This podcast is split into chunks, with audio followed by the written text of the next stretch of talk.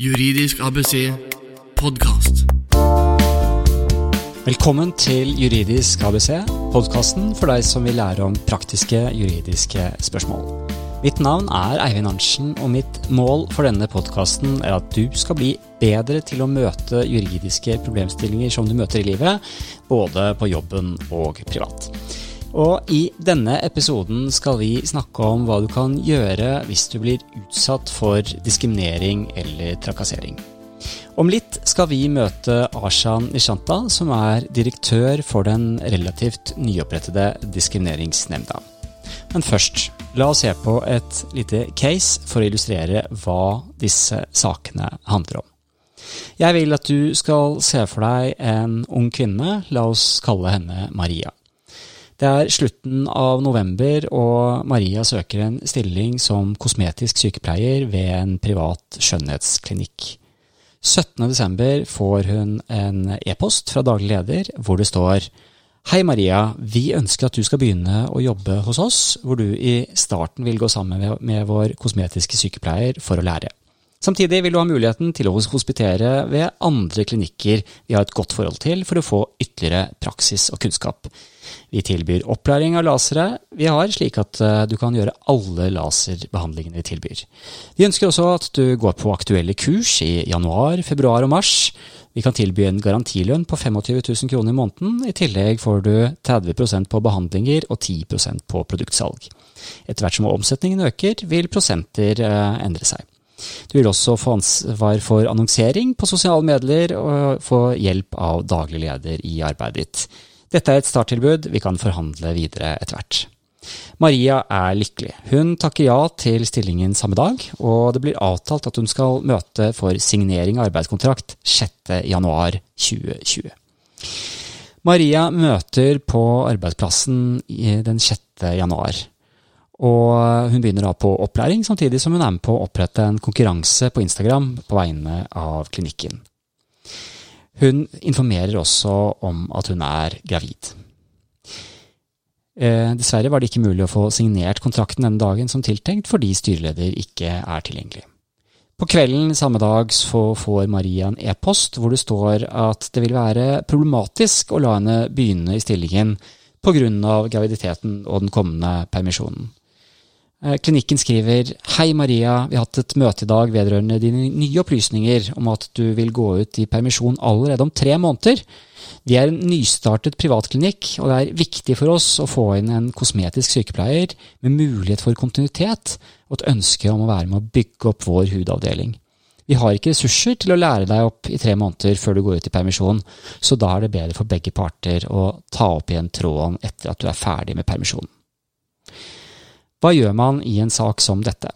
Dette er et eksempel hentet fra virkeligheten. Om eh, kvinnen het Maria eller ikke, det vet vi ikke, men opplysningene opplysningen du har fått nå, er hentet fra en fersk eh, avgjørelse i Diskrimineringsnemnda.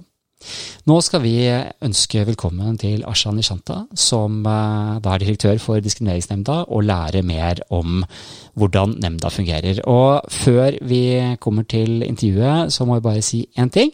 Og det er at normalt pleier vi å ta opp disse podkastepisodene i studio med studioutstyr. Nå er det sånn at uh, tidene gjør at det er litt vanskeligere, og siden nemnda er i Bergen og jeg sitter i Oslo, så har vi gjort dette intervjuet på telefon. Det betyr at lydkvaliteten nok ikke er det det pleier å være, men innholdet er likevel uh, bra, så jeg håper du bærer over med litt dårligere lyd enn vanlig uh, idet vi sier hei og velkommen til Ashan Nishanta. Takk for det. ja. Veldig spennende å ha deg med. Første direktøren for eh, Diskrimineringsnemnda. Eh, vi har eh, ofte sagt på podkasten at jussen er et dynamisk fagområde. Men så dynamisk som at det kommer nye institusjoner og nærmest domstoler, det er vi jo ikke vant til. Kan du begynne med å si litt om hva Diskrimineringsnemnda er, og hvem dere er til for? Det kan jeg, og tusen takk for at du tok initiativ til å invitere meg til å være med i, i denne viktige podkasten. Diskrimineringsnemnda er et uavhengig og upartisk domstolslignende forvaltningsklageorgan. Og Diskrimineringsnemndas samfunnsoppdrag er jo da å bidra til å redusere diskriminering og trakassering, herunder seksuell trakassering, i Norge ved å behandle de konkrete diskriminerings- og trakasseringsklagesakene som bringes inn for oss. Diskrimineringsnemnda er ikke et tilsyn, dvs. Si at nemnda kan ikke ta opp saker på eget initiativ, men kun behandle de sakene som bringes inn for oss. Vi er egentlig til for alle, i den forstand at vi er til for alle som opplever å bli utsatt for diskriminering eller trakassering, og alle som blir beskyldt for å diskriminere eller trakassere. Vi avgjør eh, sakene på en upartisk og nøytral måte. Vil si at vår oppgave er å avgjøre om det som påstås å være diskriminerende eller trakasserende, også er det i regelverkets forstand. I tillegg til de opplysningene som eh, sakens parter naturlig nok kommer til, eh, til oss, så har vi òg en selvstendig undersøkelsesplikt med hensyn til å sikre at saken er tilstrekkelig opplyst før vi treffer en avgjørelse. Det er gratis for begge parter å få en sak avgjort hos oss. Partene skal ikke trenge advokat, og man risikerer ikke å måtte betale motpartens saksomkostninger. I tillegg så er det sånn i disse digitale tider at hele klageprosessen hos oss kan gjennomføres digitalt og personvernmessig sikkert via vår nettside. Der har vi klageskjema, tilsvarsskjema og skjema for andre innsendelser, så hele prosessen kan for så vidt gå digitalt. I tillegg til de som selv opplever diskriminering eller trakassering, så er det òg viktig at for oss så kan òg likestillings- og diskrimineringsombudet og interesseorganisasjoner innenfor det enkelte saksfelt bringe saker inn for oss. Så dere har et uh, tett samarbeid med LDO, da, kan jeg tenke meg? Ja, uh, arbeidsfordelingen er sånn at LDO uh, eh, veileder både generelt og, og konkret, mens vi er en ren klageorgan som da avgjør klagesakene. Bra. Da har vi fått uh, oversikt over uh, hvem dere er, uh, hvordan dere jobber. Som jurister så liker vi også å gå tilbake til, eller begynne med eh, hjemmelsgrunnlaget. Eh, hva er det rettslige utgangspunktet? Eh, og Du nevner jo da at dere naturlig nok jobber med diskriminering og trakassering, og så sier du også seksuell trakassering. Kan du hjelpe lytterne litt med å forklare disse begrepene. Jeg tror mange har en, en, formening om hva som ligger i det, men det kan jo være litt, eh, litt subjektivt hva man ligger i disse begrepene. De har jo en, en, rettslig avgrensning. Kan du si litt om hvor den rettslige avgrensningen går? Det kan jeg. Hvis vi tar uh, da, uh, diskrimineringsbegrepet uh, først. Altså Først og fremst kan vi jo si at forbudet, altså det generelle forbudet mot å diskriminere og trakassere er jo eh, angitt i likestillings- og diskrimineringsloven. Eh, der finner man eh, det rettslige grunnlaget for at det er forbudt å diskriminere og trakassere på, på generelt grunnlag og i alle samfunnsområder. Og så har man noen særlover, f.eks. arbeidsmiljøloven og andre eh, lover, eh, som òg oppstiller eh, særskilte diskriminerings- og trakasseringsforbud. Eh, hvis vi skal da se litt på, på, disse begrepene, så kan vi jo da eh, først se litt på diskrimineringsbegrepet.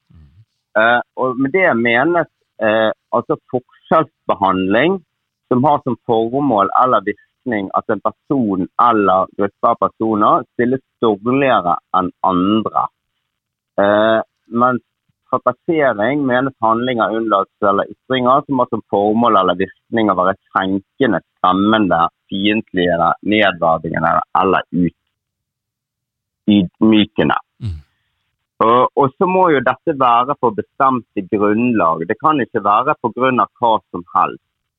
Eh, og da oppstiller da likestillings- og diskrimineringsloven de eh, grunnlagene som det er ulovlig å drive forskjellsbehandling på basis av. Og Det er jo en lang smørbrødliste, men det de typiske er sant? kjønn, graviditet, permisjon ved fødsel, adopsjon, etnisitet, religion, livssyn, funksjonsnedsettelse, seksuell orientering, kjønnsidentitet, kjønnsuttrykk, alder eller kombinasjoner av disse. Og I arbeidsforhold så er det i tillegg viktig at det ikke er lov eh, å diskriminere pga. politisk syn eller medlemskap i en arbeidstakerorganisasjon. Eh, videre er også regelverk om universell utforming og individuell, individuell tilrettelegging eh, for personer med funksjonsnedsettelser viktig. For der, Hvis man bryter dette regelverket, så anses det òg som diskriminering. Så det er mye som ligger i diskrimineringsbegrepet? Mm, det er det. Men i, i korte trekk er det egentlig at det er ikke lov å uh, drive usaklig forskjellsbehandling bas, uh, på basis av disse uh, diskrimineringsgrunnlagene. Mm. De sakene dere behandler, kommer de jevnt fordelt innenfor alle disse områdene, eller er det noen, noen type saker som er mer si, typiske for de som klages inn til dere? Den aller største andelen av klagesakene våre er innenfor samfunnsområdet arbeidslivet. Mm. I tillegg så er de mest vanlige uh, diskrimineringsgrunnlagene funksjonsnedsettelse, alder, religion, etnisitet og graviditet, ulike permisjoner i forbindelse med eh, fødsel, adopsjon. Så Det er de sakene vi har mest. Så har du vært litt inne på dette med saksbehandlingen her. Du har sagt at man trenger ikke å bruke advokat. Eh, dette er et eh, lavterskeltilbud. Eh, jeg vet at dere har også gode nettsider som sier noe om prosessen, men, men kan du si litt om hvordan dere arbeider? Og også siden dere er ganske ferske, så hvordan har dette fungert med oppstarten? Hvordan er sakstilfanget? Er det kommet mange klagesaker? kan du si litt rundt det? det kan jeg. Når det gjelder antall klagesaker, så ligger det vel på en 200-300 saker inn i året. når vi startet opp i 1.1.2018 så fikk vi jo i tillegg overført de sakene fra LDO og den gamle likestillings- og diskrimineringsnemnda som ikke var ferdigbehandlet. Så da lå vi vel på en, eh, et sted mellom 300 og 400 klagesaker det første året. Det er ganske mye. Um, ja, det er, det er en uh, stor andel. Det er det. Og hvordan er det dere behandler disse sakene? Altså, vi, uh, jeg kan jo først si litt innledningsvis eh, på hvilke typer uh, saker vi behandler. Der er utgangspunktet at vi behandler egentlig alle typer diskriminerings- og trakasseringssaker som ikke positivt er unntatt vår myndighet. Uh, der fremgår det av likestillings- og diskrimineringsloven hvilke forhold som er ulovlige og så er systemet sånn at uh, det fremgår av uh, diskrimineringsombudslovens paragraf 1, 7 og 14 hvilke diskrimineringstrakasseringssaker som vi ikke behandler. I tillegg så har vi en begrenset myndighet når det gjelder overfor andre forvaltningsorganers vedtak. Her kan vi treffe ikke bindende avgjørelser. Uh, mens i de andre sakene som vi skal sikkert komme tilbake til litt senere, kan treffe bindende eh, avgjørelser. Og Det gjelder da forvaltningsorganets vedtak, bortsett fra når de opptrer som arbeidsgiver. Mm. Og Så kan jeg si litt om eh, hvordan vi eh, behandler sakene. Eh, vi har jo en veldig domstolslignende eh, saksbehandlingsprosess.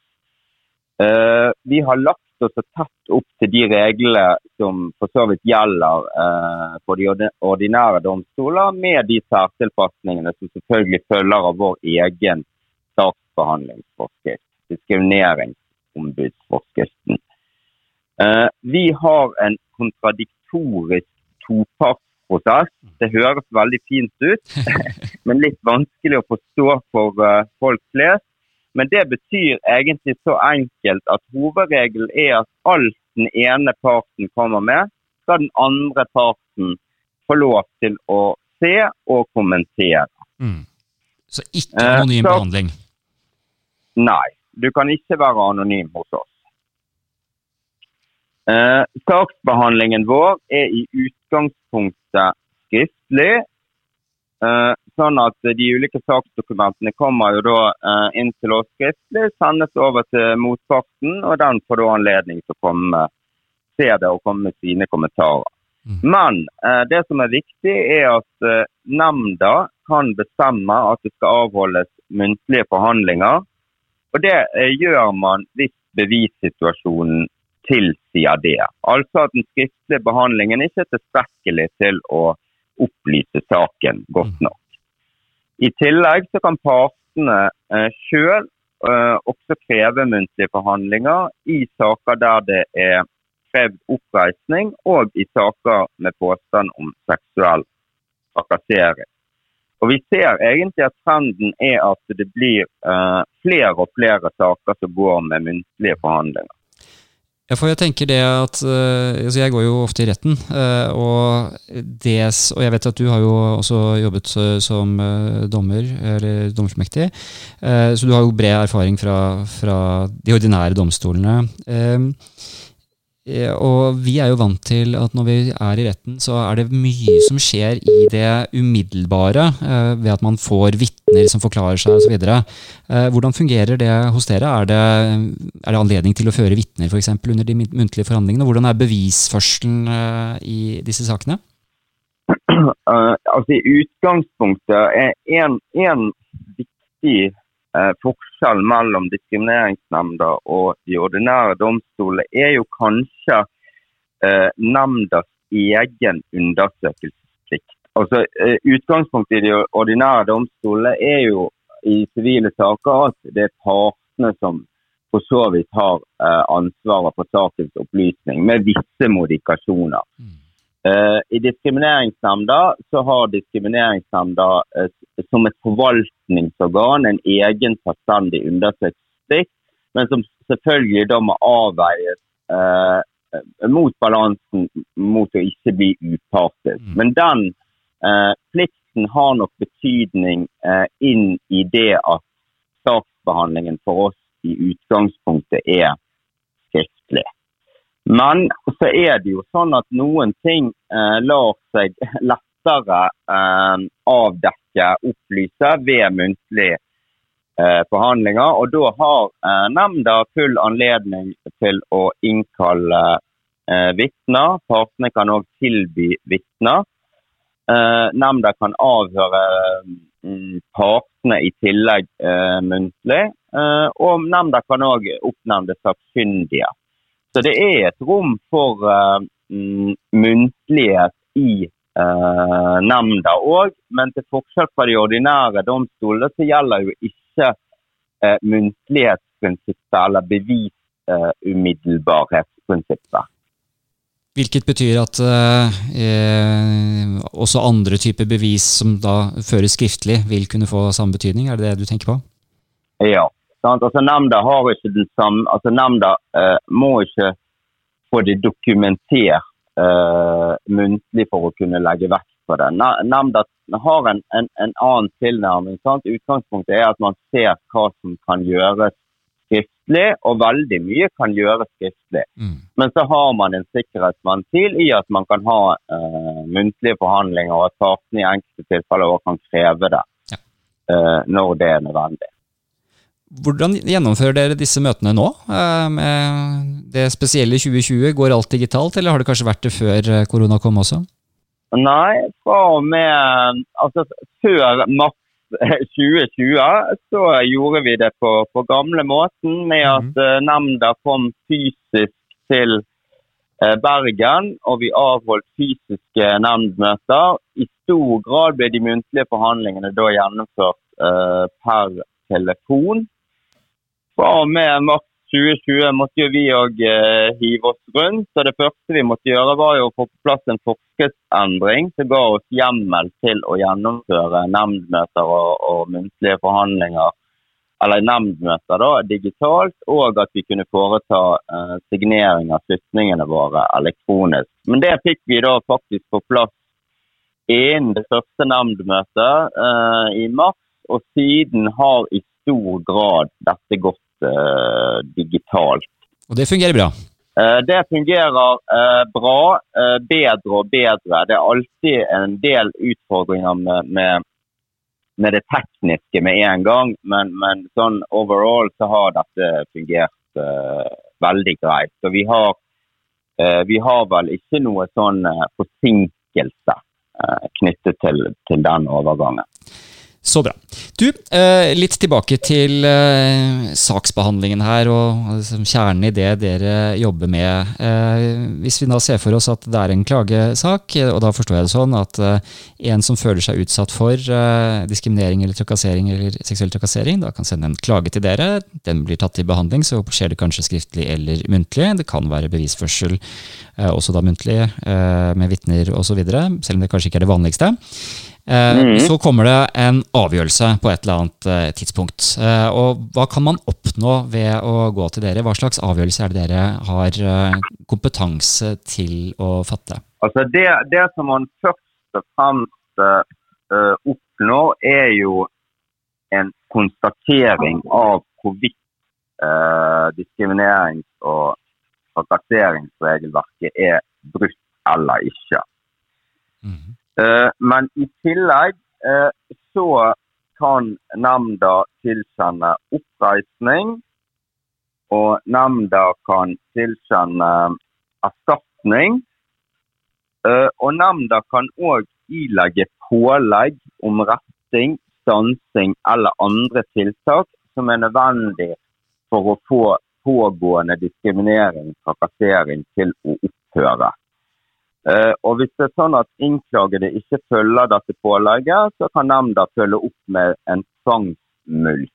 Dvs. Si at det enten kommer et engangsbeløp eller en løpende mulkt inntil uh, det pålagte forhold opphører. En annen uh, viktig funksjon er at hvis det er et pågående forhold som ikke kan avvente ordinær saksbehandlingstid, så kan nemnda hastebehandle saken. I den forstand at nemnda kan eh, ilegge et hastepålegg for å få den pågående situasjonen til å da rette stanses ganske umiddelbart. Har du noen eksempler på dette? Er det noe dere også gjør i praksis? Eh, det gjør vi i praksis. Vi har ikke så veldig mange eh, saker, men jeg kan nevne et par eksempler. Eh, vi hadde én sak som gjaldt en eh, påstått diskriminerende stillingsutlysning eh, som var forbeholdt ett kjønn, der eh, ila nemnda plikt til å rette forholdet. Eh, så kan jeg nevne et annet eksempel nå i disse covid-19-saker. Eh, det gjaldt en beboer på en institusjon som hadde fått, eller en sånn omsorgsbolig, som hadde fått veldig strenge restriksjoner med hensyn til å motta besøk. Uh, der gikk nemnda inn og vurderte, eller nemndleder inn og vurderte og så at disse restriksjonene gikk uh, godt utenfor uh, det som var anbefalingene fra Folkehelseinstituttet. Og det ble da pålagt å rette dette i henhold til det som helsemyndighetene og Folkehelseinstituttet anbefalte. Så Det er to eksempler på at uh, man har gått inn med, med hastepålegg. Veldig, veldig interessant. Her er det, her er det mye å lære.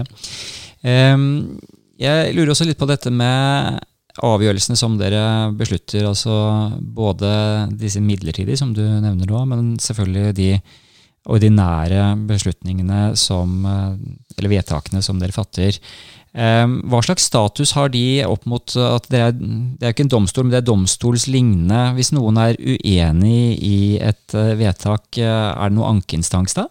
Ehm, det er ikke noen ankemulighet. Eh, det, det, som vi må gjøre her, er at vi må egentlig sondre mellom de tre forskjellige typer avgjørelser vi kommer med.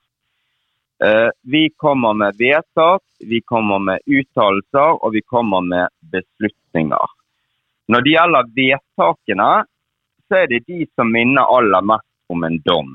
De er bindende, og de får da eh, Og de blir rettskraftige, akkurat som en dom, dersom de ikke bringes inn på de ordinære domstolene innen søksmålsfristen, altså innen tre måneder. Så Hvis vi har kommet med et vedtak som ikke er brakt inn for domstolene innen det tidspunktet, så har de virkning akkurat som en helt ordinær eh, dom. Så har du uttalelsene våre. De er ikke bindende. De er rådgivende. Det vil si at uh, der er det jo for så vidt opp til uh, partene om de vil følge dette rådet eller ikke. Uh, så har du beslutningene våre. De er heller i utgangspunktet ikke bindende, bortsett fra én type beslutning, og det er når vi beslutter tvangsmulkt. Eh, da har eh, denne beslutningen akkurat samme virkning som et vedtak. Altså Den, blir, den er bindende, og den blir eh, rettskraftig hvis den ikke bringes inn for de ordinære domstoler. Og Når det da gjelder de vedtakene og beslutningene altså beslutningen om tvangsmulkt som kan bringes inn for de ordinære domstolene, så er det sånn at hvis de bringes inn slik, så kan domstolene foreta en full overprøving av eh, disse vedtakene. Og eh, disse vedtakene kan òg eh, gjenåpnes etter at de er rettskraftige. Eh, og de kan eventuelt rettes eller omgjøres etter den ulovfestede læren om omgjøring. Når det gjelder denne lovfestede læren om omgjøring i forvaltningslovens paragraf 35, så gjelder den i utgangspunktet ikke nemndas avgjørelser, bortsett fra i ett tilfelle. og Det er jo nettopp hvis en domstol har kjent et vedtak for, uh, fra diskrimineringsnemnda ugyldig, så kan da diskrimineringsnemnda gå inn og omgjøre det vedtaket. Eh, har du noe bilde av statistikken her? Er det sånn at eh, avgjørelsene deres blir respektert stort sett, eller er det noen som ønsker å ta det videre? Vi har uh, ingen eksempler på at uh, avgjørelser fra uh, nye diskrimineringsnemnder er brakt inn for domstolene. Det må jo være et, uh, en anerkjennelse av arbeidet dere gjør, da, at partene respekterer avgjørelsene som tas? Ja, altså, jeg vil jo anta at det, det, er jo, det er jo en viss forskjell på å ta noe inn, inn for domstolene og eh, få det behandlet i diskrimineringsnemnda. Så hvis man, hvis man mener at dette her er, er tilstrekkelig og en god avgjørelse, så vil man jo da naturlig nok eh, ikke ta det videre. I eh, introduksjonen til denne episoden så har jeg fortalt lytterne en historie om en eh, kosmetisk eh, sykepleier som søkte på jobb. Men da arbeidsgiver fikk vite at hun var gravid, da han kom på jobb for å begynne å jobbe, og arbeidsgiver fikk vite at hun var gravid og snart skulle ut i permisjon, så ønsket ikke arbeidsgiver at hun skulle tiltre likevel, og sa noe sånt som at vi kan heller ta opp tråden senere. Hun klagde inn til dere. Det forelå en avgjørelse avgjørelse 24.9. Eh, i år, vedtak fra Diskrimineringsnemnda, eh, som eh, er viktig. Kan du fortelle litt om hvorfor denne saken er viktig, og litt om vurderingen og utfallet i den? Det kan jeg. Jeg kan jo innledningsvis nevne at dette er helt riktig den første saken der Diskrimineringsnemnda tilkjenner erstatning men uh, det er den niende saken der Diskrimineringsnemnda tilkjenner oppreisning. Um, det uh, denne saken uh, gjelder, er jo egentlig et, et, veldig, dessverre et veldig klassisk tilfelle av diskriminering pga. graviditet. dette tilfellet var ganske um, ja, ganske graverende, vil jeg si. For det, at, uh, det var veldig tydelig at vedkommende hadde da uh, sant, først fått uh, tilkjent jobben, og når vedkommende da etterpå opplyste at hun var gravid, så ble dette jobbtilbudet da trukket tilbake. Eh, så det var egentlig bevismessig et ganske klart tilfelle. Mm. Så Da konkluderte jo nemnda med at uh, aktuelle helseklinikk hadde uh, diskriminert klager pga. graviditet uh, og forestående permisjon ved fødsel, og tilkjente da både oppreisning og erstatning. Uh, og Når det gjelder erstatningsdelen, så er det ganske interessant. fordi at i, i, de første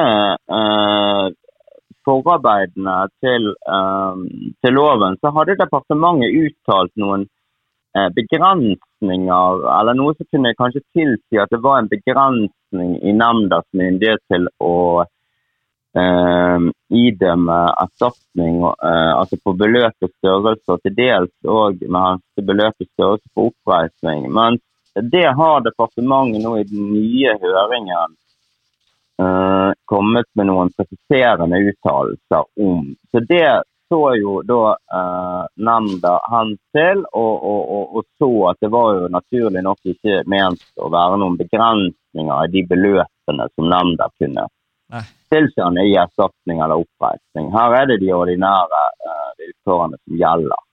For Det var vel sånn at uh, departementet hadde skrevet at man antok uh, Eller man nevnte en, en, beløpsmessig grense på 10 000 kroner i erstatning, og det høres jo ut som et veldig lavt beløp. Når man er innenfor arbeidslivets område, så blir jo beløpene fort mye høyere enn det. Det er det de, det er det de fort blir. sånn at dette var nok kanskje en, en antagelse basert på den begrensningen som faktisk er i nemndas Eh, myndighet til å tilkjenne erstatning. Altså at Nemnda er avhengig av for det første at nemnda må være enstemmig, og for det andre at innklagede ikke kommer med noe annet enn uholdbare eh, påstander. For, for, arbeidsfordelingen her er nok tenkt at eh, hvis nemnda ganske enkelt eh, kan tilkjenne oppreisning, eh, nei, erstatning, så skal nemnda kunne gjøre det som ledd i sin eh, behandling av saken. Mens hvis eh, det blir eh, mange problemstillinger, altså innklagede kommer med, med holdbare eh, anførsler påstander til erstatningsspørsmålet, så bør det behandles i de ordinære domstolene. Så er det kanskje vanskelig å si akkurat hvor den grensen går, men, eh, men det er jo i hvert fall i denne saken så var det jo beløp som vi kjenner igjen fra eh, arbeidsrettssaker eller eh, diskrimineringssaker innenfor arbeidslivet som går for domstolene. Um, denne kvinnen hun fikk eh, tilkjent 50 000 kroner i oppreisning og 75 000 kroner i erstatning. Eh, og vi har vært inne, og vi som jurister bruker disse begrepene, men det er ikke sikkert alle som hører på har helt klart for seg forskjellen på erstatning og oppreisning. Kan du si litt om det? Ja, altså erstatning er jo det som eh, Altså det pengebeløpet som egentlig skal godtgjøre et dokumentert tap. Altså det, det, det, det tapet, eh, de utgiftene eller det tapet du har hatt som følge av den diskriminerende og trakasserende handlingen. Mens eh, oppreisning er mer en sånn tort og svie-kompensasjon. Eh, der får man et, et, et skjønnsmessig eh, utmålt beløp, uh, litt avhengig av sant, alvorligheten, grovheten, sant, litt eh, forholdet på begge sider osv. Det er mer en sånn, en sånn tort og svie-kompensasjon. Eh, Vet du, det er, eh, det er, mulig dette blir for teknisk og utenfor eh, det, det, jeg kan forvente at du svarer på, men men innenfor arbeidsretten som jeg jobber, så skiller vi jo mellom oppreisning og erstatning på vanlig måte, selvfølgelig. Men der er oppreisningsbeløp eksplisitt fritatt for skatt. Så det er, det er, jo noe som ikke går inn i den alminnelige inntekten ved ligningen. Mens en erstatning for et litt økonomisk tap det vil jo være skattepliktig som, som utgangspunkt typisk når man inngår sluttavtaler og den type ting. Hvordan er det med eh, vedtakene fra, fra dere? Eh, vet du noe om de skattemessige konsekvensene hvis man får utbetalt? Eh, for det kan jo være 100 200 000, kanskje mer, også man får utbetalt? Det, det vet jeg faktisk ikke. Det, det, det, måtte jeg ha undersøkt hvis jeg skulle kunne klart å svare eh, nøyaktig på det. Men jeg vil jo anta at man her Altså, det er jo to typer uh,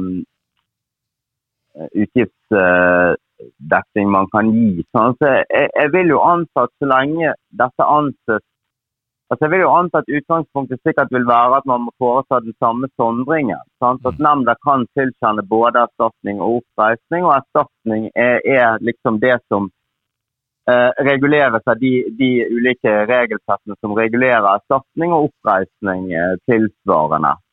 Jeg er i hvert fall ikke kjent med at det skal være noen eh, egne regler eh, med hensyn til tilkjent oppreisning eller erstatning fra, fra nemnda.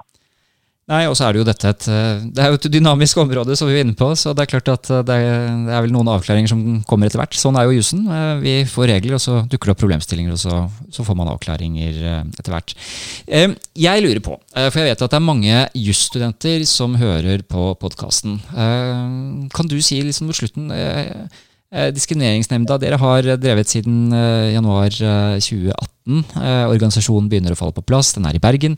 Kan du si litt om liksom, hvem dere er, og, og, hvem som jobber der, og, og hvordan kontoret fungerer? Ja, det kan jeg. Uh, altså I dag så er vi uh, 20 uh, mennesker på kontoret i Bergen. det er i all hovedsak juridiske saksbehandlere. Uh, alt fra helt ferske, rett fra studiet uh, saksbehandlere til godt erfarne uh, saksbehandlere. med erfaring fra domstoler, det private, andre offentlige organer. og I tillegg så har vi da en administrasjon, ledelse, på, på, på fem personer. det som er interessant for studenter, kanskje så viser at vi faktisk har noen student ordninger som vi introduserte allerede um, i uh, fra våren 2019. Uh, uh, vi har for det første sånn at man i august kan få lov til å være hos oss og arbeide så tilnærmet likt som mulig som en juridisk saksbehandler som man kan i en, i en måned. Og så har vi òg et sånn masterstipend, der man kan uh, søke om uh, stipend på 15 000 kroner og, og skriveplass hos oss uh, hvis man skriver om diskrimineringsrett. Og Dette blir utlyst på våren hvert år, så det er jo kanskje noe som studentene kan, kan merke seg. Det er et uh, veldig godt tips. Og til publikum ellers, uh, hvis noen uh, opplever at man har vært utsatt for diskriminering, trakassering, seksuell trakassering. Eh, vi har jo snakket mye om saksbehandlingen her nå, men eh, hva er liksom de første skrittene man tar for å eh, begynne på en klagesak og komme i kontakt med dere? Altså det aller første jeg vil anbefale da, er å ta kontakt med enten LDO eller egen interesseorganisasjon for å få drøftet sett litt. Sant? Det er mange, ofte mange spørsmål. Er dette diskriminerende? Hva gjør jeg nå? Og så videre. Og da er, det, da er det typisk LDO, interesseorganisasjon, som kan være god å spare med og få litt sånn klarhet i saken. Hvis man da etterpå kommer fram til at ja, her vil jeg fremme en klagesak, så er det Diskrimineringsnemnda. Og Da går man inn på nettsidene våre og så trykker man på bolken eh, 'klager'. og Da vil man få veldig god informasjon om hvordan man skal gå fram, enten om man velger den heldigitaliserte eh, måten, eller om man vil gjøre det med å sende inn eh, per post. Eh, prosessen hos oss, der kan man forvente seg at hvis man da sender en klage til oss, så vil vi først vurdere om det er en så, såkalt fullstendig klage, altså om vi har alle de opplysningene som vi trenger for å gå videre med saken. Eventuelt så vil vi sørge for å få de um, inn fra klager. Uh, så vil klagen bli sendt til den som er innklaget, som skal komme med et tilsvar. Altså si om de er enige eller uenige både rent faktumessig og rent rettslig i det som klager påstår så får begge partene anledning til å komme med sine avsluttende bemerkninger. Så vil sekretariatet skrive et uh, utkast til redegjørelse der vi oppsummerer faktum og partenes anførsler, som begge partene da får anledning til å kommentere på. Og så vil vi etterpå eh, ferdigstille dette og legge saken fram for nemnda. Eh, da blir saken behandlet i nemndmøte, enten uten partenes tilstedeværelse eller ved muntlige forhandlinger. Og så kan man forvente en avgjørelse i saken innen ca. én måned etter nemndmøtet. I tillegg så er det sånn at noen saker avvises fordi at de prosessuelt ikke skal behandles av oss. Klager har f.eks. ikke rett til klageinteresse. Klagen er med faktum som er veldig gammelt eller lignende, så da blir saken avvist. Noen saker henlegges, fordi, og det er typisk fordi at de eh, Det er åpenbart at det ikke er et brudd i saken, eventuelt at nemndas saksbehandling ikke muliggjør eh, tilstrekkelig opplysning av saken bevismessig. Eh, og så er det jo da noen saker som hastebehandles. og Da vil man typisk få et uh, hastepålegg ganske raskt, og så vil den øvrige saken for så vidt behandles ganske likt som, som uh, den ordinære prosessen. Så det er, det er, det man kan forvente hos oss. I tillegg så har vi en vakttelefon som er åpen hver dag mellom 10 og 2, så da går det an å ringe til oss og få uh, svar på konkrete spørsmål man måtte ha om om eh, prosessen hos oss. Man vil òg finne veldig mye god informasjon på nettsidene våre. Vi kan kanskje også si det at uh, tidligere avgjørelser ligger i anonymisert form på nettsidene, og de gir også et veldig godt innblikk i hva slags saker dere jobber med, og også vurderingene som foretas og resultatene dere kommer til. Absolutt. Så Da er det bare å gå inn på den bolken som heter klagesaker og statistikk, og så kan man egentlig søke på et hvilket som helst uh, parameter man måtte ønske for å få opp uh, relevante saker. Mm. Så man kan søke på forskjellige temaer, og så får man praksis fra det området. Og fersk praksis, da, når naturlig nok, i og med at dere ikke har drevet så lenge. Eh, Arshani Shanta, eh, tusen takk for at du hadde tid til å være med oss eh, på podkasten. Jeg, eh, jeg, har lært mye. Jeg er helt sikker på at eh, lytterne har lært mye. Og også takk for at du leder en eh, viktig nemnd som har et viktig samfunnsoppdrag, og at du altså, har tatt deg tid i dag for å lære oss litt om hvordan dere arbeider. Tusen takk i like måte, og tusen takk for invitasjonen. Jeg syns dette var veldig kjekt å være med på. Veldig, veldig bra. Da får jeg ønske deg en fortsatt strålende dag, og det samme til lytterne også. Så høres vi igjen i Juridisk ABC-podkast. Du har hørt Juridisk ABC-podkast. For mer informasjon om dagens tema, se juridiskabc.no. Her finner du flere podkaster og artikler innen arbeidsrett, eiendomsrett, familierett og temaer for deg som driver egen virksomhet. Meld deg på vårt nyhetsbrev på juridiskabuseet.no. Produsert av Øystein Weibel og Kanonlyd. Kaboom!